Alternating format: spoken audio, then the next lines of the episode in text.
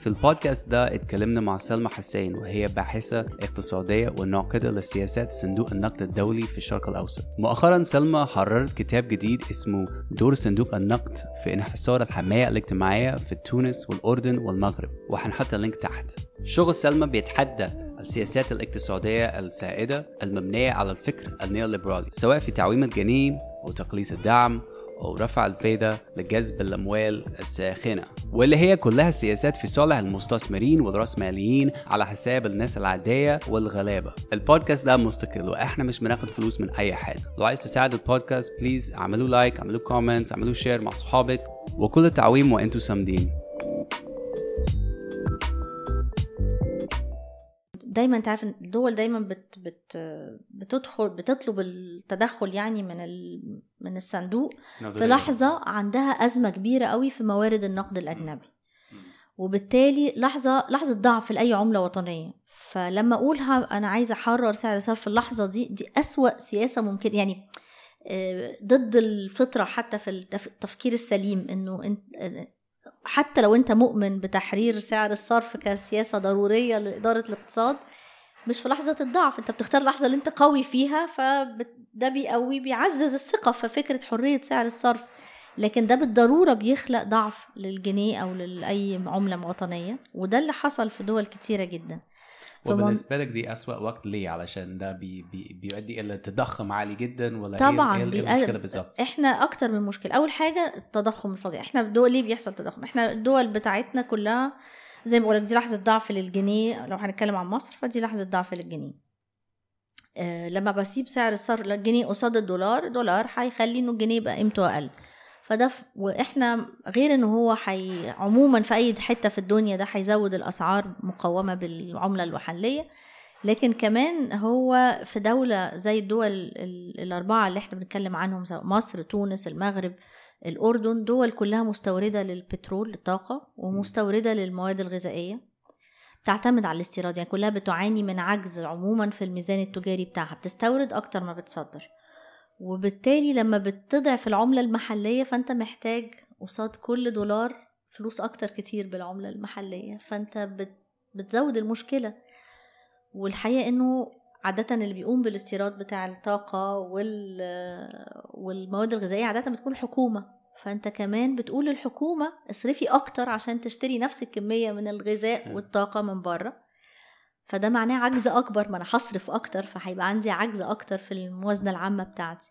وهتلاقي دايما إنه مع الأسف الفرحة بإنه إحنا عملنا برنامج مع الصندوق وإنه إحنا عملنا التعويم وكده فيها كأنه كأنه حاجة يعني كأنه نوع من النجاح نفسه يعني العملية نفسها. هو هو هو انتصار لطرف على طرف. ببساطة يعني طرف أقوى وأغنى وعلى حساب طرف أكبر بكتير أو أطراف أكتر بكتير آه، لمجرد إنها أضعف. وبنشوف بقى يعني أنا مثلا بشوف شفت في تونس مثلا إزاي إنه آه، كان في حركة يعني تونس أحسن شوية فيما يتعلق بالمجال المفتوح للمجتمع المدني للنقابات آه، معارضة فكان في مقاومة شديدة مثلا لتحرير لرفع أسعار الطاقة آه، والدعم على الغذاء اللي هو يعني هم يشيلوا الدعم عن السلع الغذائية وكده. الحقيقة إنه آه، لقينا الحاجتين. على قد ما في مقاومة من تحت على قد ما الصندوق بيطلب طلبات أصعب من حتى من اللي طلبها في مصر عشان يوصل لنفس الدرجة من القسوة. ما نجحوش يعني ابتدى ابتدى من آه. ابتدى بنقطة أعلى علشان يوازن آه. ال فده حصل في تونس مثلا؟ آه.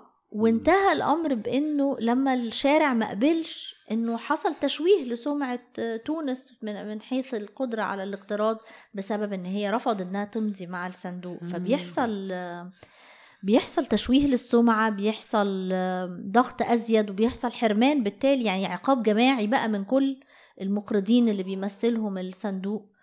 آه وبالتالي بيبقى البلد في وضع أصعب كتير والحقيقة إنه ده اسعى يعني من أسوأ الحاجات في حالة عدم التعاون مع الصندوق. يعني إنه اللي هيدخل مع الصندوق ما عندوش آه كتير هامش للحركة في انه يختار يعني دايما بيتقال دلوقتي البرامج آه، بالاتفاق مع الحكومة والحكومة هي اللي حطاها.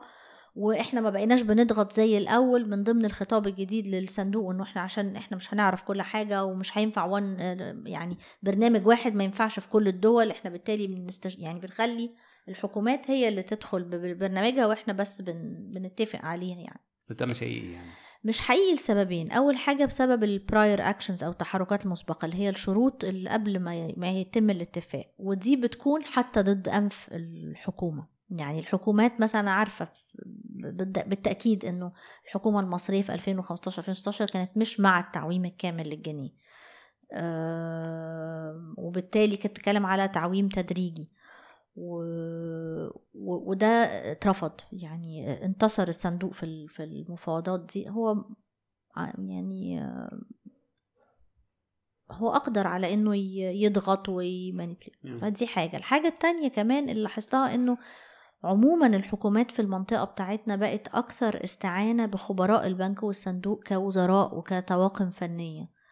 وبالتالي بسبب سياسة الباب الدوار اللي هو إن أنا هروح أشتغل شوية في الحكومة وبعدين أروح أشتغل مستشار للبنك أو الصندوق أو أتعين في وظيفة في البنك والصندوق وبعدين يجيبوني في الحكومة تاني سواء كمستشار أو كوزير أو كمساعد وزير أو كده.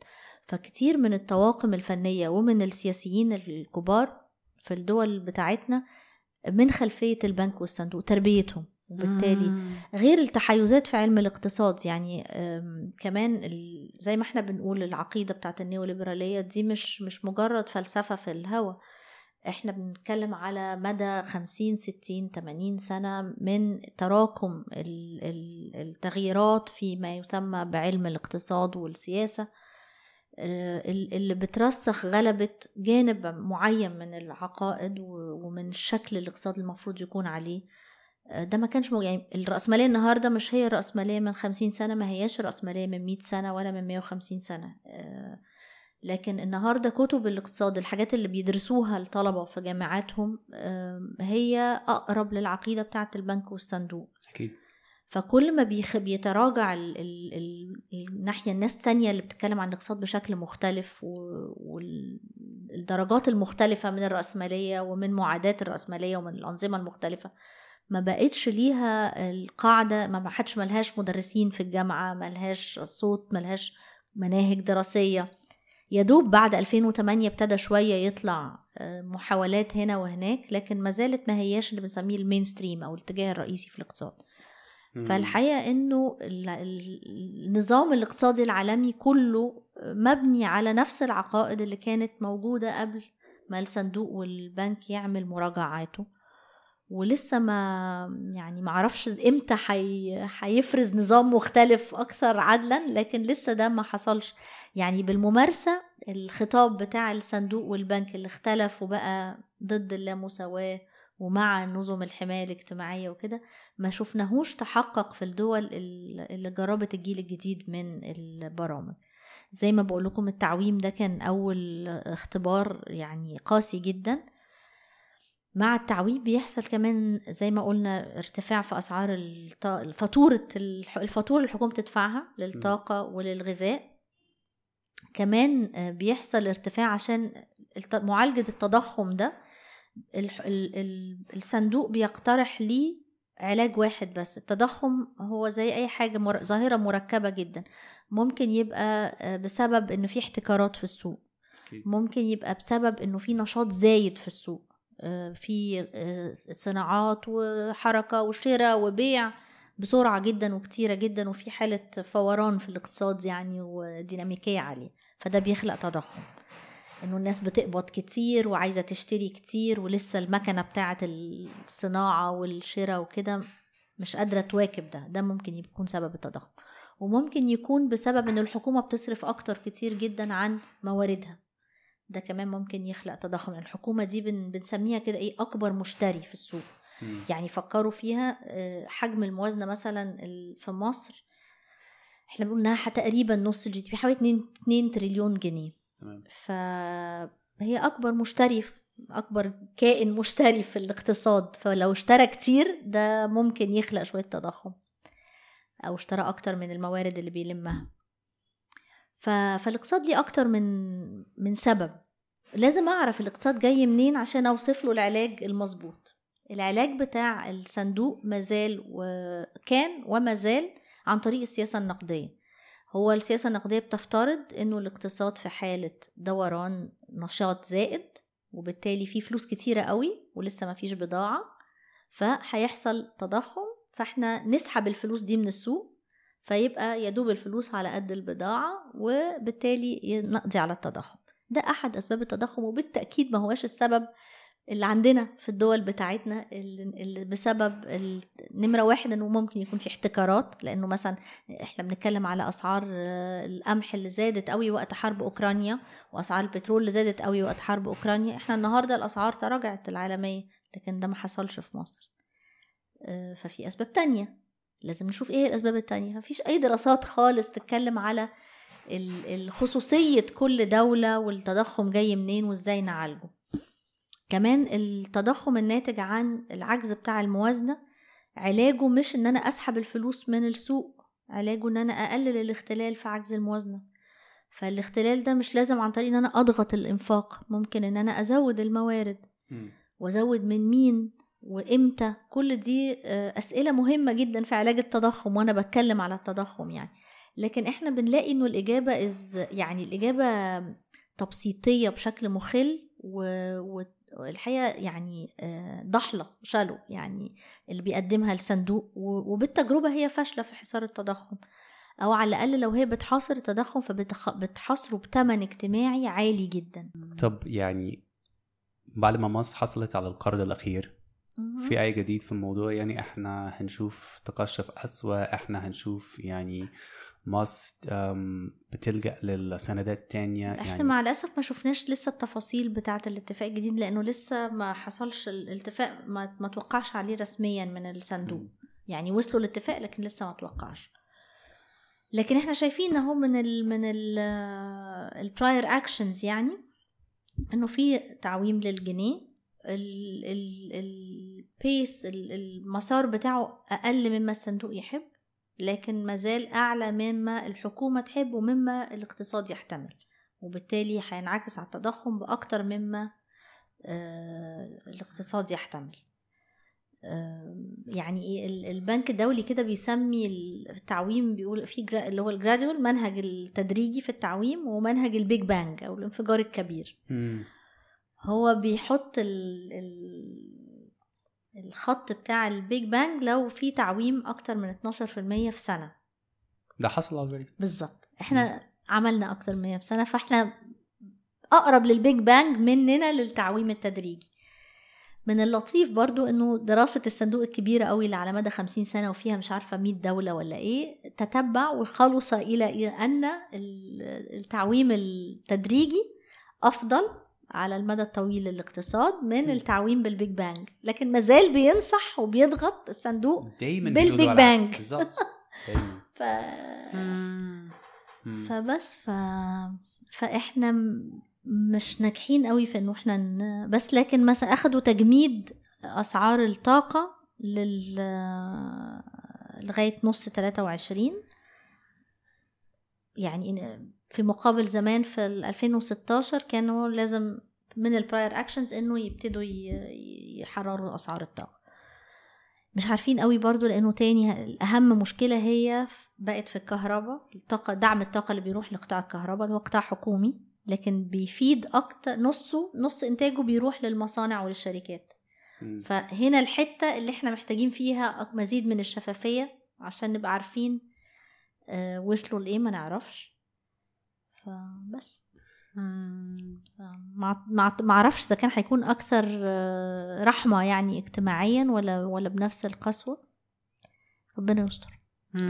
ربنا يستر. يعني ما فيش حاجة قوي إحنا يعني مصر ممكن تعملها أصلا. يعني ما فيش قوي مكان هو الحلو أسوأ أسوأ.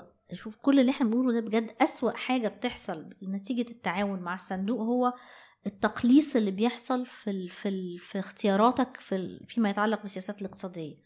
النوع ده من التقليص هو إنه بيحطك في قدام أنت والحيطة. يعني ما عندكش قوي ما وكل ما بتتعاون أكتر مع الصندوق كل ما بتدخل في الفخ ده. والخروج آه يعني الحقيقة إنه في 2011 كان المشاكل الاقتصادية عندك الدنيا مفتوحة وتقدر تعمل كتير من السياسات اللي ينفع تعملها. في 2015 كان لسه عندك براح كتير وكان آه تقدر ما تروحش للصندوق. أنا مش عارفة النهارده إزاي هتقدر تعيش من غير الصندوق. فاهم قصدي بس إيه؟ مش إنه ده مش ده يعني- الغرض يعني مش ده هدف الصندوق يعني لناس زي إحنا إحنا بنقول كده يعني. ده يعني في الآخر هم عايزين ده اللي بيحصل. دي النتيجة من أي. التعاون مع الصندوق هو إنه بي- بيقلص قدرتك على إنك أكيد. ت... فعليا. يبقى بس- هو ده هدفه الغير معلن بس- يعني. بس لا، ده مش هدف، ده بيساعد. لكن- ده بيساعد الموضوع. عشان كده لو أنت مخنوق قوي لازم تنفذ كذا كذا كذا. حتى لو ده أسوأ حاجة عمرك كنت مش هتعمل ممكن كده. أتخيل إنه الحكومة كانت من نفسها هتعمل تحرير للعملة. اكشلي يعني ال- ال- اللي كان بيحصل في 2020 2021 اللي هو فرض قيود على الواردات آه، القضاء على السوق الموازية للدولار أنا كنت شايفة إنه ده حاجة مش غلط خالص في لحظة أزمة. يعني وضع مؤقت في لحظة أزمة لكن اللي كانوا بيخسروا منه هم فئة صغيرة من الشركات الكبرى وهم دول التاني النافذين اللي عندهم صوت عالي ومؤيدين بال... بالعقيدة ال- ال neo كلاسيكيه الحقيرة بتاعة الصندوق. يعني آه هم دول اللي بيست... بي- بيست... بيستفيدوا يعني لما المصالح يعوموا وكتب. وكتب الدراسية. المصالح الضيقة اللي بقت مت... متك... متجسدة في. كتب دراسية بتاعة الاقتصاد. فعلى حساب الناس. واو. بالعكس يعني ال- المتوقع إنه هيحصل أزمة أكبر في الدولار وبالتالي هيزيد. لسه إحنا لسه ما وصلناش لآخر ال- ال- الانهيار في سعر العملة. يعني علشان لسه في نقص كبير في صح؟ لحظة ما كان الصندوق بيعتقد بي لو أنا يعني معلو- معلومات طبعا متداولة لكن ما فيش وثائق تؤي- تؤيدها يعني بس في أثناء التفاوض كان الصندوق كان ساعتها الدولار, الدولار بحوالي 15 جنيه ونص وهو كان بيضغط ل- إنه قيمته هتوصل ل 30 جنيه. يحب قوي هو يدبل ف... الخسارة, الخسارة علينا ف... زي المرة اللي فاتت ف... كده. آه ف... الاكشن المرة اللي فاتت بقى الوثائق كانت هو بيقول إنه مش هتزيد عن كده إنه خلاص ال... ال... إنه السوق في سعره في السوق السوداء كان خلاص ده آخره جاب آخره. وبالتالي لما تحرر فعليا مش هتتضر. وكان غلط تماما أنا معرفش ده كان غلط غباء وعدم يعني هل ده آه، سوء أو أو أو يعني الموظفين بتوعه مش بيفهموا من الآخر يعني سوء تقدير مخل جدا ولا ده سوء نية؟ يعني قصدك كان المفروض المرة اللي فاتت يبقى أعلى؟ المرة اللي فاتت كانوا بنتفاوضوا كان إحنا الجنيه مش عارفة كان ساعتها في السوق. العادي بتسعة تا- حاجة 8 حاجة زي كده وفي السوق السوداء وصل كان ل 13 14 فكان بيقولوا خلاص هو وصل ل 13 14 مش هيوصل أكتر من كده هيخسر هيطلع يبقى كتير 15 16 ووصل لغاية 20 صح. ولما نزل قالوا انت بي... انت بتنزله artificially يعني لما ابتدى ينزل ل 15 لغاية ما يوصل ل 15 وتلت بيقولوا ده artificial فانت ف... يعني فرق كبير الخمسة جنيه دول فرق كبير في كل. بيفرق في كل التوازنات في حسابك للنمو في حسابك لفاتورة الواردات. في حسابك لمعدلات الفقر الناس هتت... هتتأثر قد إيه فمش فرق بسيط يعني مش غلطة بسيطة يعني مش طيب السؤال سألته لأسامة من المستفيد؟ يعني عشان أبقى يعني إيه الإجابات اللي هي ال- ال- السهلة ال- ال- قد تكون فجة. عالم المال والنقد. يعني هم أكبر مستفيدين. آه، توماس بيكيتي كده عم... أنتوا عارفين هو كده عمل أهم كتاب آه، هو ومجموعة من الباحثين عن عملوا أهم أبحاث عن اللامساواة في الثلاث قرون اللي فاتوا. فبيتكلم على إزاي إنه سعر الفايدة ده أداة رهيبة لإعادة توزيع الثروات اللي في العالم كله لصالح الأكثر غنى الأغنى فئات الأغنى. فايه هو سعر الفايدة؟ بيسكلي هو الأرباح يعني ربح على نشاط ما. فانا بيفترض إن أنا عندي ثروة وإن أنا بستثمر الثروة دي وبيجي لي ربح. فأحد أشكال الثروة واستثماراتها هو إن أنا أحطها في أستثمرها في إنه أسلف الحكومة. بنوك مؤسسات المال وكذا بيسلفوا الحكومات كلها حوالين العالم وياخدوا فلوسهم وعليها سعر فايدة. ف... في مصر إحنا بقالنا كذا سنة من ساعة ما تعاوننا مع الصندوق في 2016 وإحنا بنقدم واحد من أعلى الفوائد على الع... على مستوى العالم عشان نجذب الناس إن هي تيجي تسلفنا. ف... فده معناه إنه بيحققوا أرباح صافية فوق العشرة في المية اتناشر في المية. و... ودي حاجة يعني مزعجة جدا لأنه الحقيقة إنه الحكومة لو الناس الأغنياء بيدفعوا ضرايب مش هيبقى عندها كل مش هتحتاج تستلف. فانتي بدل ما تفرضي ضرايب على الأغنياء وتخلي الكل يستفيد من غير ما أذي الأغنياء قوي انت بت... بت... بتأذي كل الناس وتغ... وتدي بتدي فلوس للأغنياء بدل ما تاخدي منهم فانت بتدي لهم مزيد من الفلوس. يعني في كده تحويل دائم عبر آلية ال... ال...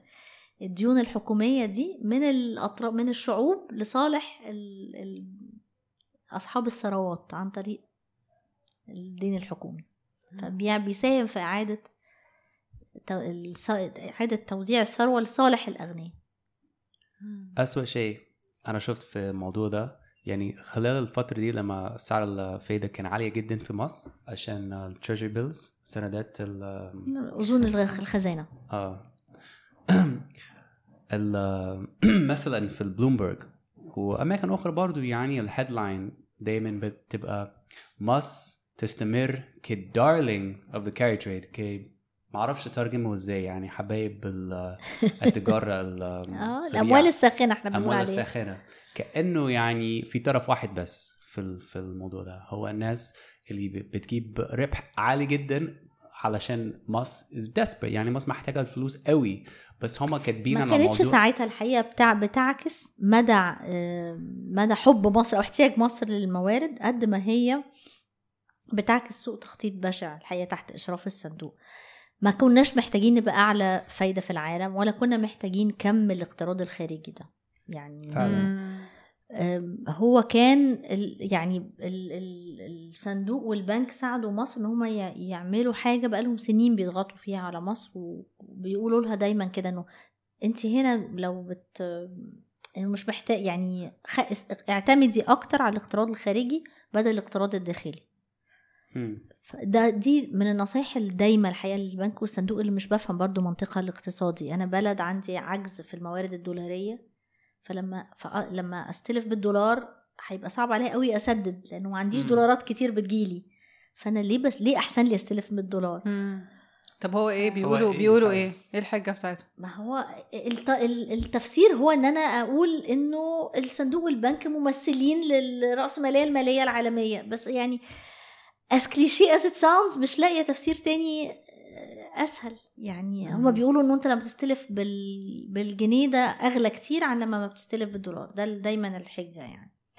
فإنه لما بتستلف بالدولار بتاخد بتدفع فايدة واحد اتنين في المية versus حاجة تمانية آه. تسعة في المية لكن اللي حصل ان هما عن طريق إن هما رفعوا سعر الفايدة على الجنيه فبقى كمان الأجانب جايين كمان من بره هما بيستثمروا بالجنيه. بس يوجوالي هما بيخرجوا بياخدوا معاهم دولارات. ف anyway يعني حاجة كده كونتراديكتوري آه، بشعة آه، فيها إنه أنا كسبان كسبان. يعني. اللي هو بس إيه الحل يعني؟ يعني لو إحنا مثلا ما كناش أخدنا القرض اللي هو الأخير ده من ال IMF كان في أي حل تاني؟ آه، ما بحبش أسأل السؤال ده بس هو دايما في حلول تانية. يعني بمعنى إيه؟ أنا معرفش لو في حكومة تانية كانت هتوصل لاتفاق شكله عامل إزاي من مع الصندوق. لكن دايما أنا بتكلم على إنه دايما في بدائل واضحة خالص. هقول لك على حاجة very ironic يعني حاجة مضحكة شوية. عادة لما بقعد أعمل كده أقيم البرامج بتاعة البنك والصندوق بلاقي نفسي بحط من التوصيات للسياسات البديلة معظمها جاي من الأدبيات بتاعه الدراسات الاقتصادية اللي بينشرها البنك والصندوق. فالموضوع مضحك جدا يعني شوية يعني هزلي شوية. أنا مش محتاجة أبقى على يسار اليسار ولا أبقى معارضة يعني مش عارفة إيه يعني فاهم قصدي؟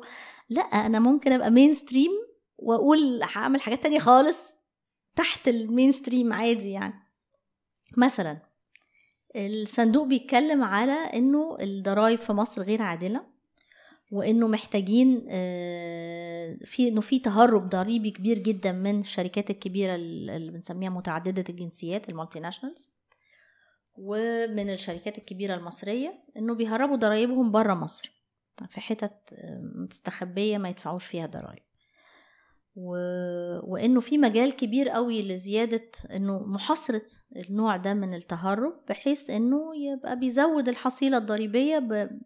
كان عايز يزودها. إحنا دلوقتي من أقل المعدلات حوالين العالم في الضرايب عندنا حوالي 12 13% من الناتج المحلي الإجمالي. في تونس هتلاقي مثلا حاجة وعشرين في المية. وأمريكا أكتر من خمسة وعشرين في المية بنتكلم على حاجة وثلاثين في المية في أوروبا ألمانيا فوق الثلاثين في المية. والحقيقة أنه علشان الناس تعمل عدالة اجتماعية عن طريق إعادة توزيع يعني عن طريق الموازنة العامة فأنت محتاج تلم حاجة وثلاثين في المية ضرائب 15% ضرائب دي يا دوب تقدر تعمل اللي بنسميها الوظائف السيادية للدولة اللي هو الحفاظ على الأمن الدفاع عن الحدود والقضاء. يعني ده ال ده ال 15% عايز تعمل بقى دولة رفاه اجتماعي كده زي اللي شفناها في أوروبا من الستينات وطالع فدي آه، دي بتبقى محتاجة ضرايب في حدود ال 30% بس المشكلة دلوقتي في مصر هو يعني ممكن أنا غلط يعني بس معظم الضرائب اللي هم بيطبقوا على tool رجعي بشكل كبير زي ال value added tax القيمة المضافة صح؟ صح. ومثلا بس لما إحنا بنتكلم عن مثلا capital gains tax الضريبة how do you say that بالعربي؟ ضريبة ضريبة الأرباح الرأسمالية؟ صح. هم هم بيتأخروا قوي في تطبيق القانون. هو ده اللي بنقول عليه بقى الاقتصاد السياسي يعني إزاي إنه في آه، مراكز صنع القرار مسيطر عليها من آه، كبار الطبقة اللي هي نتكلم إنه كبار الشركات.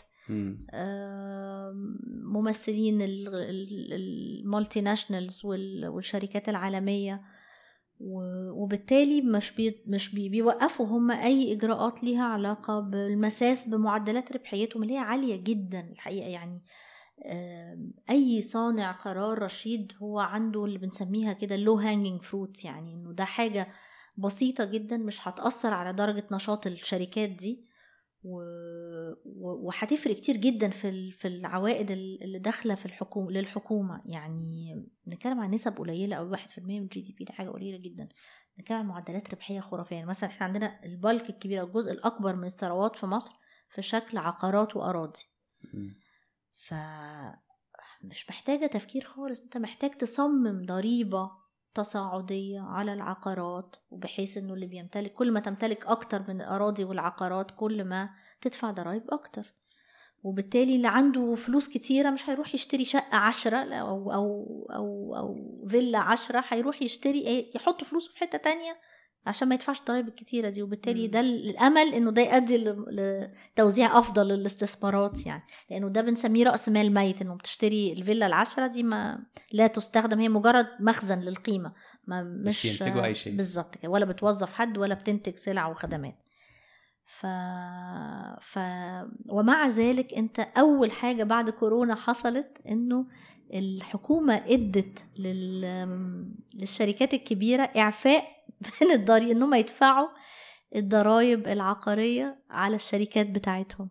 الشركات دي عندها مخزون من الأراضي حتى لو هو شركة صناعية. المفروض إنه عنده أراضي عشان يبني عليها مصانع.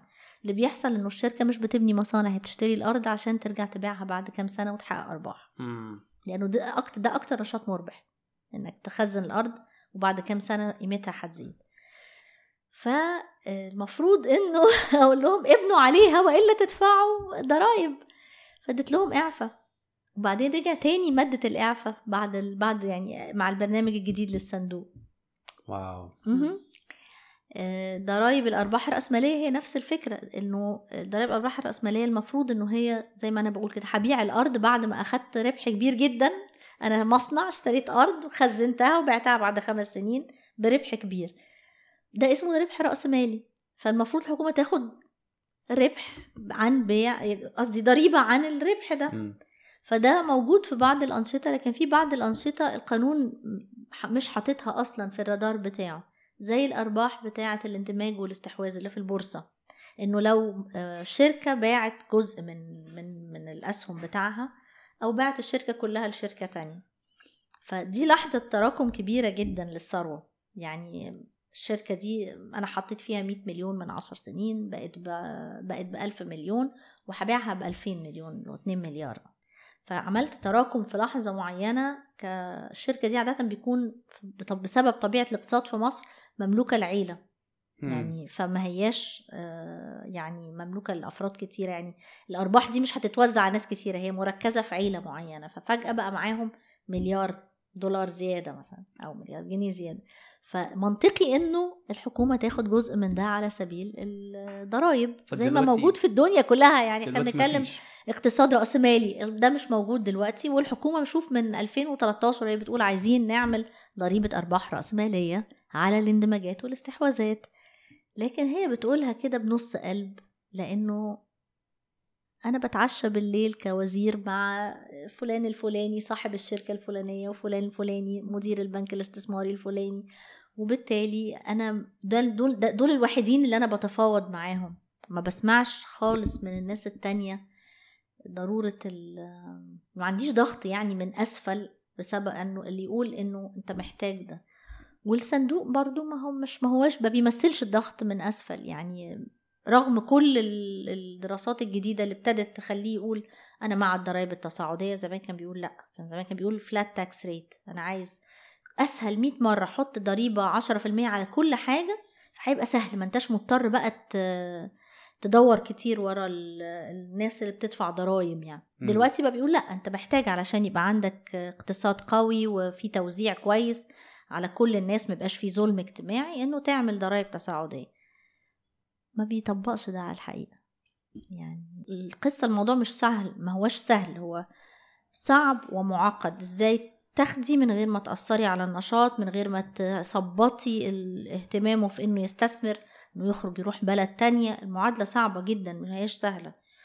لكن النموذج الاقتصاد العالمي اللي ماشيين فيه بيدفع الدول كلها بتاعتنا إنه يدخلوا في سباق مين يقلل الضرائب على الاستثمارات بحيث إنه كلنا بقينا عندنا عجز رهيب. حتى الدول المتقدمة دخلت في في في السباق ده يعني إنه هتلاقي كتير المناقشة دي مثلا بلجيكا وفرنسا والناس بتهرب فلوسها من فرنسا تحطها في في بلجيكا عشان تتهرب من دفع الضرايب الكتيرة. والسباق ده خلق عجوزات في كل الدول. مش بس عندنا زمان كانت العجز ده بس في الدول النامية أو يعني دلوقتي كل الدول عندها عجز. آه، لكن الأهم إنه الفرق الكبير بيننا وبين الدول المتقدمة إن هما بيدفعوا فوائد قليلة قوي على الديون بتاعتهم. إحنا بندفع فوائد باهظة جدا على الديون بتاعتنا وبالتالي حتى دلوقتي مثلا لما بنتكلم بقى على الحلول وإزاي نخلق براح مالي لمزيد من العدالة الاجتماعية والمساواة بنتكلم على تخفيض الفوائد أو تجميد سداد الفوائد لغاية ما ال combo الأزمات العالمية ده يخف عننا شوية. فإحنا محتاجين بس إحنا بندفع ربع في مصر ربع الموارد بتاعتنا فوايد لسه مقولناش أي حاجة وفي ربع تاني أقساط ديون. فتخيلوا بس إديني عشرة في المية براح في الموازنة بتاعتي لمدة أربع خمس سنين وأرجع بعد كده عادي يعني. هسددهم لك مش هقول لك لأ يعني. وده ده حصل كتير في, في أزمات قبل كده يعني إنه إنه حصل إعادات هيكلة للديون بأشكال مختلفة. وحتى السماح يعني تغاضي أصلا عن سداد الديون يعني بس واضح إنها معركة صعبة جدا يعني. رغم إنها تاني حاجة مفيدة اجتماعيا مفيدة للاستقرار العالمي السياسي والاقتصادي أكيد في لحظة العالم فيها بيشهد فيه مئات الملايين آه، الجوعة منهم في مصر وفي الدول بتاعتنا المعتمده جدا على استيراد الغذاء آه، ومع ذلك في رفض ومقاومة شديدة من 2020 لغاية النهاردة. واحد بيحس إن هو نوع من مافيا مالية بتسيطر على العالم يعني لما يعني بتفكر يعني في موضوع الصندوق و الناس بتقول لا ما فيش بديل عنه. لو عايز تجيب فلوس دلوقتي وتسدد حاجة لازم لازم تتكلم مع الصندوق. ليه؟ علشان لو انت عايز تاخد card مثلا انت محتاج الشهادة من ال IMF بس يعني طبعا هو ما فيش بديل عشان ال IMF هم اللي بي يعني بي بيخلوا النظام ده شغال مستمر يعني. مش مش شرط ان إحنا المفروض لازم نجيب شهادة عشان ناخد كارد. وكل ده معمول يعني. بالظبط. فيعني بس إحنا وصلنا لمرحلة لا ما فيش بديل عنه عشان ده النظام العالمي الحالي ف أنا مش عارفة إيه البديل وازاي إزاي تقدر ت... ما تاخدش من الصندوق وتفضل محتفظ بانه قدرتك برضو على الاقتراض ما هو انت في الآخر يعني إحنا شفنا ان في العقد مثلا في اول الالفينات الناس بطلت تروح للصندوق بعد. يعني الجيل التاني من الريستراكتشرنج أو إعادة اللي هو اللجوء للصندوق يعني الجيل التاني من البرامج اللي مصر دخلت فيه سنة 90 اللي كان قاسي جدا بقى في لحظة كده سقوط حيط حائط برلين واللي هو الغلبة للرأسمالية والنيوليبرالية وكده فكانت البرامج قاسية جدا اجتماعيا. فاللي حصل إنه البرازيل. وجنوب أفريقيا كمان كانت تحررت من الأبارتايد وكذا فابتدت يبقى في جيل جديد من الاقتراض خارج الصندوق الحقيقة إنه إحنا لما الناس راحت للصين تقترض منها وقعت في شر أعمالها يعني مقرض قاسي جدا وعنيف جدا و... و... و... وكأنه كأنه يعني عارف كأنه إيه أسوأ نسخة من ال IMF وال World Bank يعني إزاي من أنهي ناحية يعني؟ لأنه شروط عارفة ال IMF وال World Bank ليهم آه ليهم ماسكة زي ما بيقولوا. في الآخر هم منظمات متعددة الدول وبالتالي آه ليها قواعد. حتى لو مش يعني ليها مراقبة ليها فيها عندها شفافية. عندها قواعد ملزمة للنشر. إحنا بنعرف إزاي نحلل البيانات في الدول كل بتاعتنا. البيانات يا متأخرة يا يا وحشة يا مش يا موجودة بس مش عارفين نوصل لها وهكذا. ففي في الآخر طريقة ما تعرفي تحاسبي بيها زي ما أنا واقفة وقاعدة وبعمل أهو. حتى لو في الآخر صوتي مش بيوصل قوي مش بيوصل بسرعة بياخد سنين طويلة بياخد مئات الملايين من الناس اللي بتتضر وأقعد أعيط. لكن في الآخر في الآخر في قواعد إنما الصين دولة لوحدها غير شفافة مفيش مفيش تخ... الصين بتفاوض زامبيا أو الصين بتفاوض مصر فاهمة قصدي؟ في عملاق بيفاوض شخص بطوله. والقواعد مفروضة يعني من من طرف واحد هو الطرف الأقوى. وما عندهاش أي التزامات ليها علاقة مثلا بالشواغل البيئة والحاجات دي.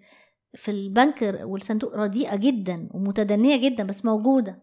ولو ما التزمتش بيها بطريقة كده يعني مسرحية يعني. مع على عيني بس الناس بتعرف تقول على فكرة البنك عمل الحاجة الفلانية وما التزمش بقواعد المتفق مم. عليها دوليا مم. اللي هو حاططها لنفسه على اللي هو فاهمة قصدي إزاي؟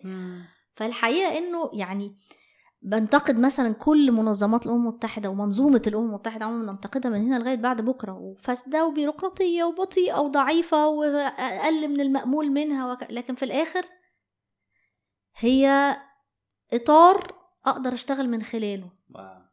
على سوقه يعني أنا شايفة كل سوقاته بس إطار أقدر أشتغل من خلاله لغاية يعني مهمتنا إنه نبني نظام أجدد بس يكون متعدد برضو يعني اللي هو مالتي متعدد الجهات متعدد الدول.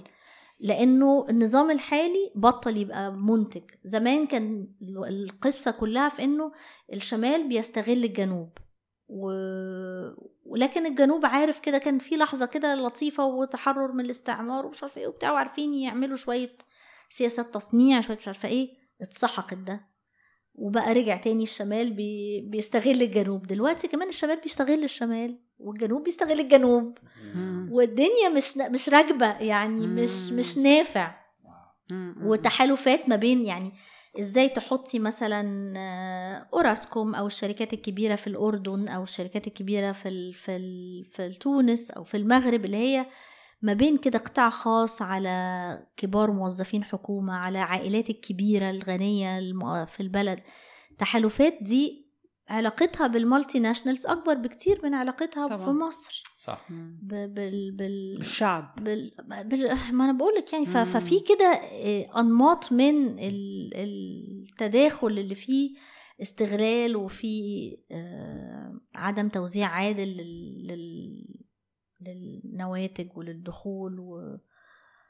وبالتالي فل... لا يعني لحظة مجنونة خالص. و... و... يعني ال... كل السيستمز اللي كانت بت... بت... بت... مهمتها إنها تحافظ على الاستقرار بتاع الأوضاع العالمية كلها في أزمة. يعني الصندوق رجع يفقد المصداقية بعد عقد من البرامج اللي هي أنا بقول كلام كويس لكن بعمل نفس السياسات القديمة فبالتالي الناس تاني رجعت خلاص النهارده الناس مش هتستحمل الصندوق تاني. يعني في 2015 كانت ساكتة النهارده مش هتسكت على الصندوق واللي بيعمله في مصر وفي الدول الجديد العربية كلها. فالجيل الجديد ده من البرامج ثبت إن هو زيه زي الأجيال الأقدم بنفس القسوة الاجتماعية. وبالتالي في في مشكلة كبيرة إن أنا أبلع الناس تاني خلاص يعني اللي كان مقبول في 2015 مش هيكون مقبول النهارده. بس المشكلة يعني الصندوق آه. مثلا بيحب البلاد من غير ديمقراطية عشان الناس ما تعرف تقول أي حاجة. هم هم بيحبوا يعني يشتغلوا مع البلاد اللي ما فيش أي يعني بص أنا هقول لك على ملحوظه في تشيلي ومع بينوشي وطبعا ده يعني أكتر النماذج يعني بالنسبة لهم ناجحة يعني. مش عارفة حتى هم يعني الديمقراطية حتى في الدول الديمقراطية ما بقتش بالظبط ديمقراطية لأنه أكيد أكيد لا يعني وده موضوع ف... تاني. ف... طبعا. فهم ما عندهمش ما بقاش عندهم الصعوبة دي اللي أنا كنت بقوله على إنه إزاي الباب الدوار ده بيجيب موظفين من البنك والصندوق أو خريجين أحسن الجامعات الأمريكية والإنجليزية اللي بتدرس اقتصاد وبتدرس قانون هم اللي بيجوا يبقوا وزراء. صح. هم دول هم يعني هما نفس الحاجة وشين بيواجهوا بعض على نفس الترابيزة مفيش مفيش نقاش يعني. لما كنت بتابع مثلا ال ال الوثائق بتاعة المحاضر بتاعة الحكومة المصرية في السبعينات في السبعين مصر في السبعينات مصر رفضت ثلاث مرات إنها توصل لاتفاق مع الصندوق. يعني بتبتدي المفاوضات وبعدين لوقت السادات وبعدين ترجع تقول لأ مش ه... مش هنفذ يعني. فمش هوصل فالمفاوضات الحكومة الوزراء نفسهم بيقولوا كده بيقولوا كده. أنا إزاي النهارده يعني إيه القرار الغبي إن أنا النهارده أقول أنا هعلن عن تحرير سعر الجنيه؟ ما أنا عارف إنه هينزل. ليه أختار اللحظة دي؟ أعمل حاجات تانية لغاية ما الجنيه يتحسن وبعدين ممكن أبقى أسيب الجنيه لوحده حر. بس دي مش يعني في وده كان بيحصل طول الوقت إنه لما بتشوفي نفس الحكاية لقيتها برضو كمان في الجيل الأول بتاع السبعينات بتاع أمريكا اللاتينية لما كانوا بيتفاوضوا مع الصندوق. الحكومة مش نفس ما بتقولش نفس الكلام زيها زي الصندوق في ديبيت دلوقتي مش كده. دلوقتي أنا بلاقي إنه الحكومات ما عندهاش بدائل تطرحها على الصندوق. يعني دلوقتي مثلا أقصى حاجة ممكن الحكومة المصرية تقولها للصندوق إنه بلاش تقولي اعمل تحرير كامل مفاجئ. فالصندوق لا, لا لازم. خليها gradual لا لازم. كامل طب بلاش مش لا خليها كده. يعني ما عندهمش ما عندهمش بقى ال counter arguments ما عندهمش حتى الحاجات اللي هم خايفين منها اجتماعيا هم خايفين على الاستقرار من الناحية السياسية. مش الفكرة إنه الاقتصاد مش هيمشي بعدد كبير من الفقراء وبعدد كبير من من المرضى وبعدد كبير من الناس اللي مش عارفة تتعلم كويس. إنه ده معوق للنمو والتنمية مش بيفكروا بالمنطق ده خالص. يعني ببساطة جدا إحنا عندنا في مصر مثلا الحد الأدنى بالدستور للتعليم والصحة تلاتة في المية صحة ستة في المية تعليم مدرسي وجامعي أربعة مدرسي واتنين جامعي. عمر ما ما, ما تم من قبل الصندوق بقى هنا ما أقدرش أقول الصندوق هو السبب. الحكومة شايفة إنه ده دستور النوايا الحسنة أنا مش هقدر أعمل الحاجات دي. وفي نفس الوقت أنت قدرت تعمل تاخد الفلوس دي تحطها في حاجة تانية أنت اخترتها غير اللي الناس توافقت عليها عبر الدستور. يعني يعني هو مش إنه ما عندوش الفلوس هو عمل الفلوس واختار إنه يوجهها في حاجة غير التعليم والصحة. بالنسبة لي دي أكتر حاجة revealing ومزعجة في القصة. يعني في ودي كانت أكتر لحظة بنتكلم فيها بغض النظر إحنا مبسوطين ولا لأ لكن دي كانت لحظة فيها توافق شعبي إنه إحنا عايزين الناس دي تيجي وعايزين الناس تانية تمشي وفي انتخابات وإحنا انتخبنا الحكومات بتاعه 2013 2014 2015 يعني أنا موافقة على كل الفيلم ده أوكي أنا معاك. فدي الناس اللي جابت الحكومة دي في السلطة وقالت أنا عايزة الدستور ده. مش هندفع الفلوس دي في التعليم والصحة هندفعها في حاجات تانية. فدي هنا بالنسبة لي لأ دي حاجة يعني في حاجة أعمق من مش بقدر ألوم بس الصندوق والبنك أه بلومهم بس مش لوحدهم يعني أه متهيألي كمان الحكومات في المنطقة كلها متأثرة جدا بكل ما هو اللي إحنا بن بنكرهه في في منظومة النيوليبرالية بما فيها إنه الديمقراطية مش بتجيب ناس مختلفة بتجيب بالعكس أسوأ ناس يعني. الصراحة آه. كان في كلام عن يعني إحنا في مصر لازم نتحول إلى نوع من الدعم الموجه من الدعم المعمم.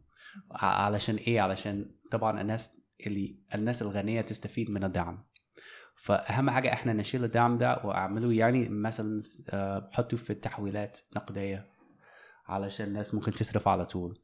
بس هل تجربة مصر فعلا بتورينا أي حاجة عن يعني نجاح الفكرة دي أو ضرورة السياسات دي. يعني أنا متشكرة إنك سألتني السؤال ده. أنا مبسوط. طيب أه الحقيقة إنه ده من أهم الخصائص اللي حصلت في الجيل الجديد من البرامج. ما كانتش موجودة دايما بتكون موجودة لكن اتفرضت عن طريق برضو التحركات المسبقة زي التعويم. الحاجة التانية كان تحرير الأسعار أو رفع أسعار الطاقة والغذاء. الحقيقة إنه أهم أكذوبة نجح الصندوق في إنه يروجها هي إنه الدعم الطاقة بيروح للأغنياء أكتر منه للفقراء. هقول لك الصندوق عمل إيه في الدول العربية بتاعتنا كلها وهقول لك كان المفروض يحصل إيه وفقا للخطط اللي أنا لقيتها في الأدبيات بتاعة البنك والصندوق. حلو. ده أهم نموذج بنشوف فيه التعاون ما بين البنك والصندوق وإزاي بينسقوا مع بعض على نفس الخطط. المفروض إن كل ما هو حماية اجتماعية وفقر وكذا ده تخصص البنك آه عفوا ده تخ... آه البنك الدولي ده تخصص البنك الدولي. كل ما هو سياسات مالية ونقدية ده تخصص الصندوق. فموضوع الدعم ده حاجة ما بين الاتنين هو حماية اجتماعية وبالتالي هو البنك وهو حاجة بتطلع من فلوس الحكومة من, من خزانة الحكومة وبالتالي هو سياسات مالية. تمام. ففي تنسيق على أعلى مستوى.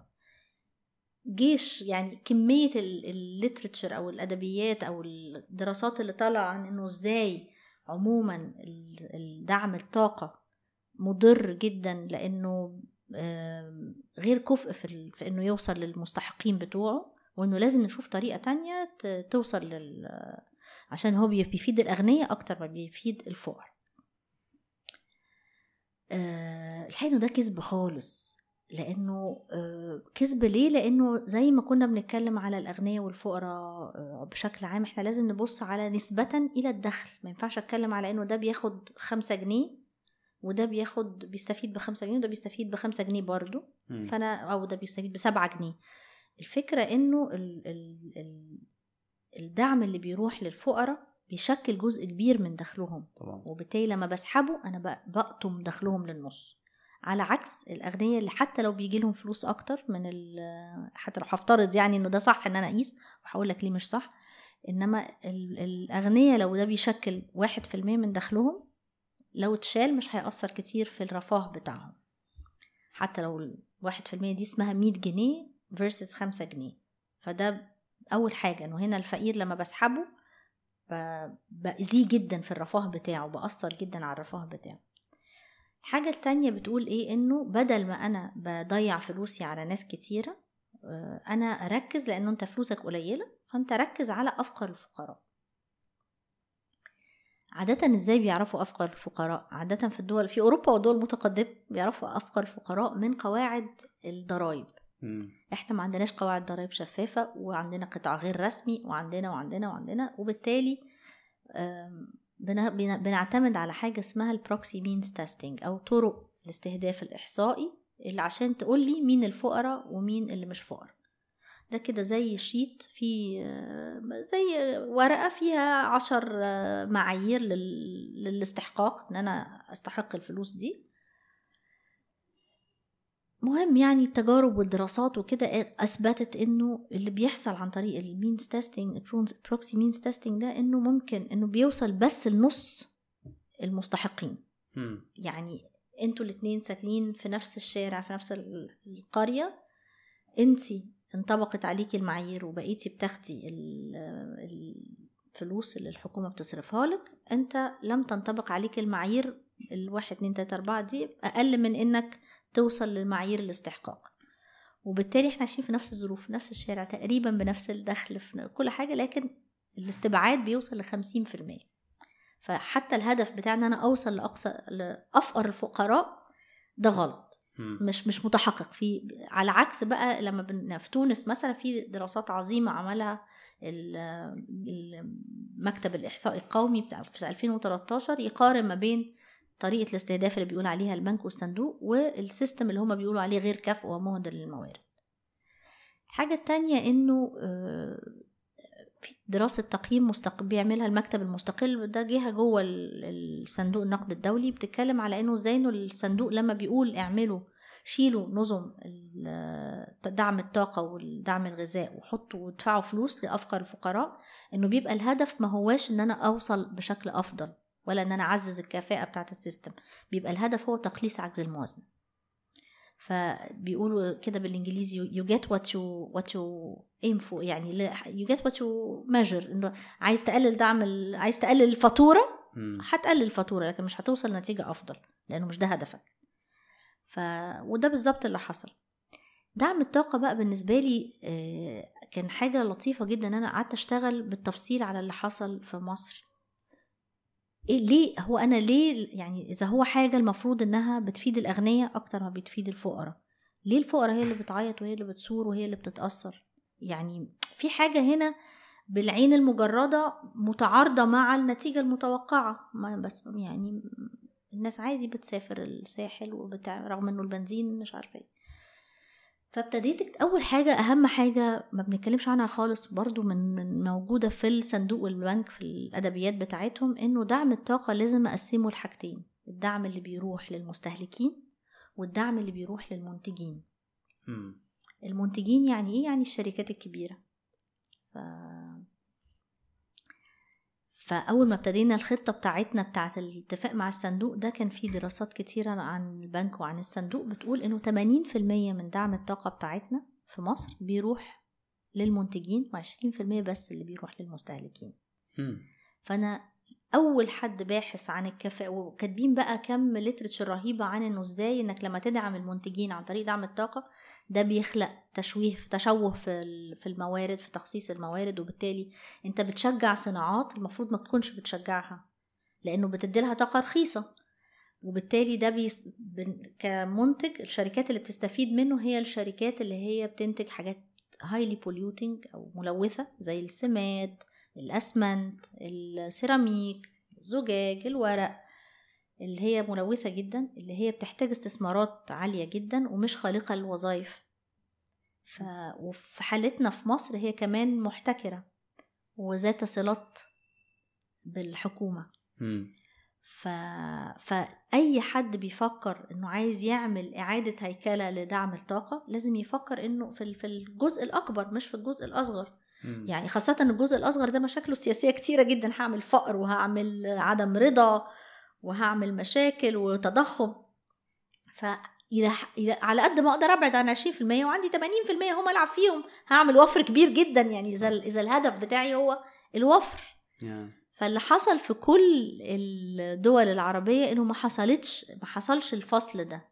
وال best practices أو الممارسات الفضلة بتقول قبل ما تعمل أي خطة عشان تعمل restructuring لدعم الطاقة ابدأ بإنك تشتغل على ال political economy وعلى إنك تنشر ال data المتعلقة التفصيلية بدعم الطاقة.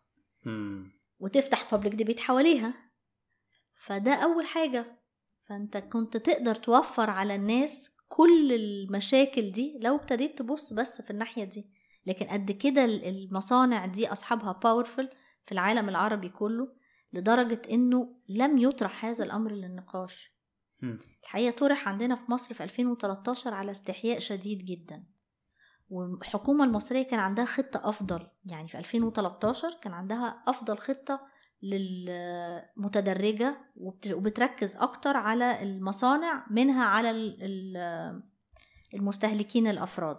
كانت بتتكلم عن البنزين لكن الحقيقة إنه لما نبص على البنزين ما هوش أكتر حاجة ليها علاقة بعجز الموازنة يعني ما هوش أكتر حاجة مكلفة. إحنا عندنا هتلاقي أنبوبة البوتاجاز مكلفة جدا.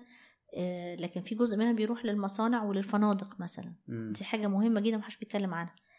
ف آه لما أتكلم على أنبوبة البوتاجاز ليه المواطن الفقير يبقى بياخد أنبوبة البوتاجاز بنفس ثمن الأوتيل ال five stars أو المركب العايمة في النيل؟ اللي هي تقريبا أنا مش عارفة دلوقتي النسب إيه عاملة لكن هي بتشكل جزء كبير جدا كانت من الاستهلاك. ف yeah. سؤال لا ي... لم يطرح. إنه لما ولغاية النهارده كل زيادة في سعر أنبوبة البوتاجاز بتساوي ما بين المواطن وما بين المنتجين hmm. اللي بياخدوا أنبوبة البوتاجاز. ففورا ده حاجة توري لك قد إيه إنه شفافية البيانات والمعلومات وفتح النقاش العام ممكن يؤدي دايما لسياسات أفضل اجتماعيا وتحقق نفس الغرض الحقير بتاعها بتاع عجز الموازنة بتاعهم يعني. أكيد أكيد أكيد. أعتقد لحد دلوقتي في مصانع في مصر بتجيب يعني آه، الغاز الطبيعي أرخص من سعر السوق صح؟ طبعا الغاز الطبيعي قصة كمان رهيبة. الغاز الطبيعي كنا عندنا بيانات واضحة لغاية 2013 عن انه سيكتور انه أي أي القطاعات بتستهلك قد إيه من الغاز الطبيعي. دلوقتي بطلنا. يعني بتستهلك قد إيه بالفلوس من الموازنه يعني مدعومة قد إيه. من 2014 في لحظة كده كان تعادل سعر الغاز الطبيعي العالمي مع السعر المصري وبالتالي اسما ما كانش بي بي مدعوم. في في المتوسط ما كانش مدعوم. يعني في حاجات أعلى شوية من 3 دولار حاجات أقل من شوية بس على بعضه كان تقريبا زي السعر العالمي. بعد كده ابتدت القصة دي تختلف وابتدى يكون أكتر حاجة مدعومة هي القطاع الكهرباء. فأنت هتلاقي كتير من المصانع بقوا بيستهلكوا غاز مدعوم عن طريق استهلاكهم للكهرباء يعني بشكل غير مباشر. والكهرباء مش بتبان فبقى كأنه صفر. يعني لما تبص في الموازنة يقولك دعم صفر. مم. كل ما هو تعديل السيستم بتاع دعم الطاقة الحقيقة كمان عندي مشكلة كبيرة مع الخطاب بتاع الصندوق إنه عايز يستبدل نظام حماية اجتماعية بنظام آخر للحماية الاجتماعية اللي هو كل ال ال ال النقاش العام حوالين دعم معمم ولا دعم مستهدف لأفقر الفقراء. هل الدعم يبقى لكل الناس ولا للأفقر بس؟ هل الدعم يكون دعم الطاقة والغذاء ولا دعم نقدي لأفقر الفقراء؟ ما بنسمعش وكأنه كأنه البرامج دي من الدعم ده مش بس في مصر ده في كل الدول اللي إحنا اللي أنا آه، درست آه، الحالات بتاعتها وشفتها. الفكرة هي إنه الحماية الاجتماعية مفهوم أوسع بكتير جدا. يعني إنه إحنا مش المفروض نستبدل حاجة بحاجة إحنا المفروض نزود. إحنا محتاجين عندنا نقص شديد في, في الأدوات المختلفة. يعني ال ال ال طب الناس اللي في البطالة يعيشوا إزاي؟ إزاي تأمنهم من ان هم ينزلوا تحت خط الفقر؟ انت محتاج اعانات بطالة. الناس اللي عندها لما بتكبر ما عندهاش معاش. لو حد وهو بيشتغل دسته عربية. كل ال... كل بتوع الدليفري مثلا دول المخاطر اللي بيتعرضوا لها. إزاي تأمن لهم انه عندهم علاج لو تع... لو لو لو لو عيوا؟ عندهم استمرار في دخلهم طول فترة علاجهم. ولو عندهم عجز يبقى عندهم دخل مناسب عشان ما. ما يعجزوش.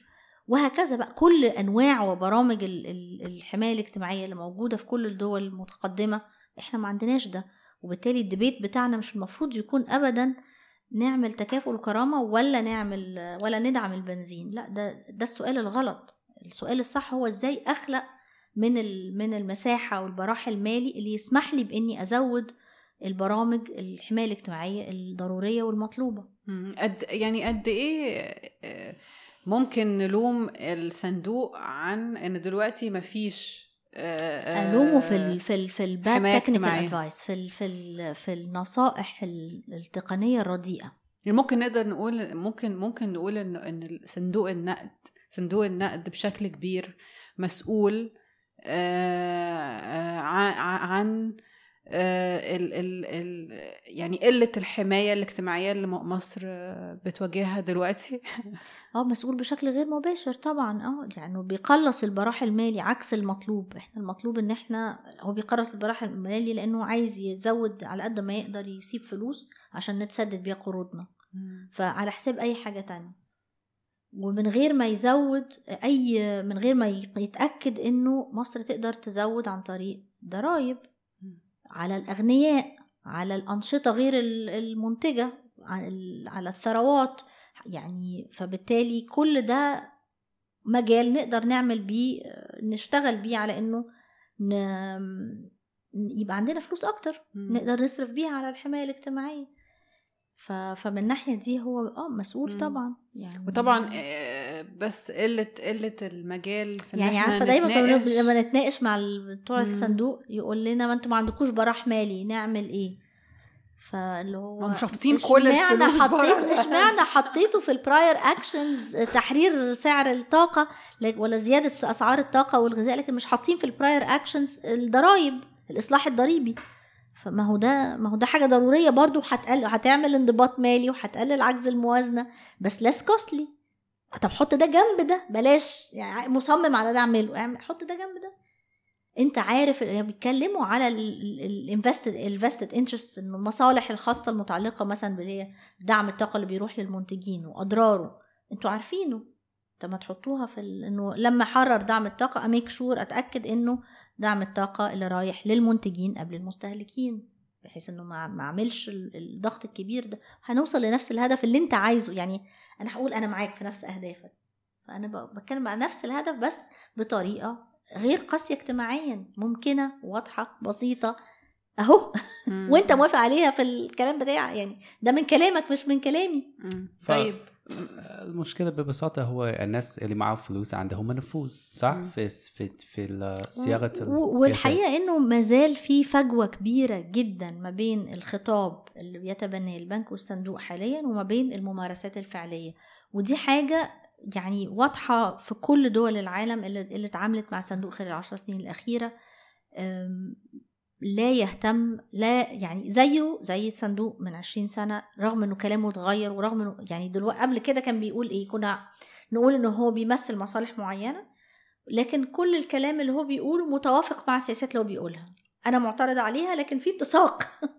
دلوقتي هو بيقول زي بيسرق كلامي. ده اللي مغيظني. يعني إنه بيقول أنا معاك ومع العدالة الاجتماعية وضرورتها علشان تقدر تحقق تنميه وتقدر تحقق نمو مستدام و و وتخلق وظائف. لكن اللي بيعمله هو عكس ده بالظبط. فاللي هو يعني شيء. ويقول لك أنت جاس لايتنج آه في مرة أحد الموظفين الكبار يعني في البنك بقول له ليه بتنصحونا نصايح لما تبصي على البرامج مثلا في أمريكا إزاي هو انت عارفة هو الصندوق بيراقب كل السياسات المالية والنقدية في العالم عن طريق حاجة اسمها مشاورات المادة الرابعة إنه كل سنة الخبراء بتوعه بيروحوا يزوروا البلد ويشوفوا الماشيه مظبوط ولا مش بتسمع الكلام. فلما تشوفي التقارير بتاعت مثلا للدول ال advanced economies الدول المتقدمة بتعمل إزاي؟ advanced economies ده التعبير بتاع ال IMF عن الدول المتقدمه وإحنا اسمنا ال emerging markets فلما تشوفي إزاي بيقول لهم مثلا في سنة من السنين في 2014 قال لهم لازم تعملوا حد أدنى ترفعوا الحد الأدنى للدخل عشان تنشطوا الطلب المحلي. بعد كوفيد مثلا دي من الحاجات اللي كانت ملحوظة جدا وبعد كوفيد كان من النصايح اللي اداها الصندوق للدول المتقدمة زيادة إعانات البطالة. طب إحنا ما عندناش أصلا في بلدنا في بلداننا كلها ما عندناش أصلا إعانات بطالة.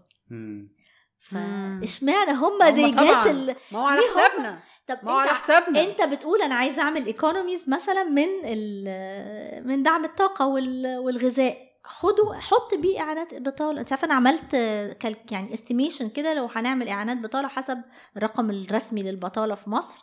في سنة لقيتها خمسة في المية من الموارد الحكومية اللي هو أكتر بكتير من اللي تم توفيره من من طاقة الدعم واللي هو الدعم على الطاقة والغذاء. فاللي هو أنت في سنة كورونا الحكومة خفضت كورونا ده يعني الناس فقدت دخلها فقدت وظايفها قعدت في بيتها ما عندهاش أي نظام نظم حماية اجتماعية مش عارف توصل لهم. إيه يعني اقلل الدعم على الغذاء إحنا قللنا وزن الرغيف مرتين في أثناء كورونا في السنتين بتوع كورونا. في أكتر من كده قسوة. يعني للبلد زي مصر هو في يعني إيه الهروب من فخ ال IMF؟ أو يعني أنت درستي مثلا كم بلد؟ تونس والمغرب والأردن. في أي في أي pattern يعني في أي طريقة البلدان دي بتهرب من يعني فخ الدين وال, وال, وال آه يعني آه بتهيألي إنه أول حاجة أنا لاحظتها إنه صوت الناس بيفرق. يعني إحنا في 2011 الحكومة في لحظة ما لجأت للصندوق عشان تعمل اتفاق بعد كده الاتفاق ده يعني باظ بسبب الرفض الشعبي. لكن لما عملنا الاتفاق الحكومة قدمت آه، حد أدنى للأجر قدمت إعانة بطالة قدمت توسع في التوظف وبالتالي عجز موازنة أكبر والصندوق قبله. آه، في شروط كتيرة كانت أحسن في الدول التانية بسبب إنه فيها أصوات آه، أو, أو يعني أوسع. وبالتالي أول ملحوظة أقدر أقولها لتحسين الشروط هي إنه حتى لو مضطر تروح للصندوق تقدر تروح بشروط أفضل لو أنت وراك الشعب عارف يوصل صوته على الترابيزة بتاعة التفاوض.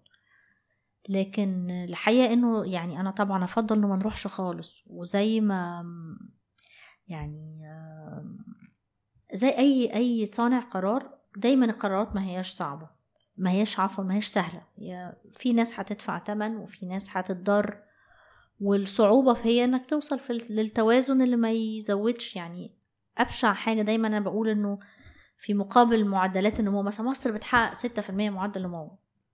قول لي رقم الفقر وصل إزاي؟ لأنه فورا ده اللي بي بيحط النمو في صورة أشمل في صورة أوسع. تقدر تقول النمو ده فات كل الناس ولا لأ؟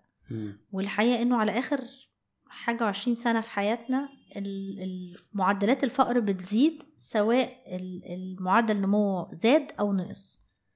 معدلات الفقر بتزيد. وإحنا ما عندناش معدلات فقر معلنة من أو من لغاية من مارس 2020 أعتقد. فما عندناش أثر كوفيد ما عندناش السنتين الأخيرتين. هو المفروض يطلع كل سنة؟ المفروض يطلع كل سنة. كل سنة يعني بديلي سنة فيعني عمليا آه، نقدر كل سنتين sorry. يعني okay. نقدر نعرفه كل سنتين. لكن هو بيتحسب. بت... أنت بتنشره ولا لأ؟ دي حاجة تانية. فهو مش منشور لكن محسوب. ف ف... فدي حاجة بالنسبة لي يعني البدائل حتى زي ما بقول من من الكتب من ال... من توصيات ال IMF من كذا في بدائل كتيرة ينفع تتعمل طول الوقت. حتى فيما يتعلق بالاقتراض الخارجي مثلا اللي هو أكتر سياسة مضرة للوضع لظروف الاقتصاد المصري اللي هو لأنه ببساطة ما عندوش موارد دولارية كفاية يسدد منها. فأنت حتى لما تبقى مضطر تقترض خارجيا حتى ده يعني حكومات مبارك اتعلمته بالخبرة المباشرة إنه لو هستلف أحطه في حاجة بتطلع بدولار عشان تطلع لي دولارات فسدد. ده ألف ب إنه أحط سقف للاقتراض الخارجي. إنه ألاقي عيني على سعر الفايدة العالمية. دلوقتي أنا داخلة على موجة من الفايدة العالمية اللي بتزيد فهيورطني أكتر. وهكذا. فطول الوقت أنت عندك الكثير من من الخيارات بتاعت السياسات الاقتصادية من ال من ال textbooks بتاعه ال neoclassical economy أو الاقتصاد ال neo كلاسيكي مختلفة وأفضل بكتير من اللي إحنا بنعمله والضغط من أسفل هو اللي بيساعد كل ما في آراء كتيرة على الترابيزة كل ما بتوصل لسياسات أفضل يعني.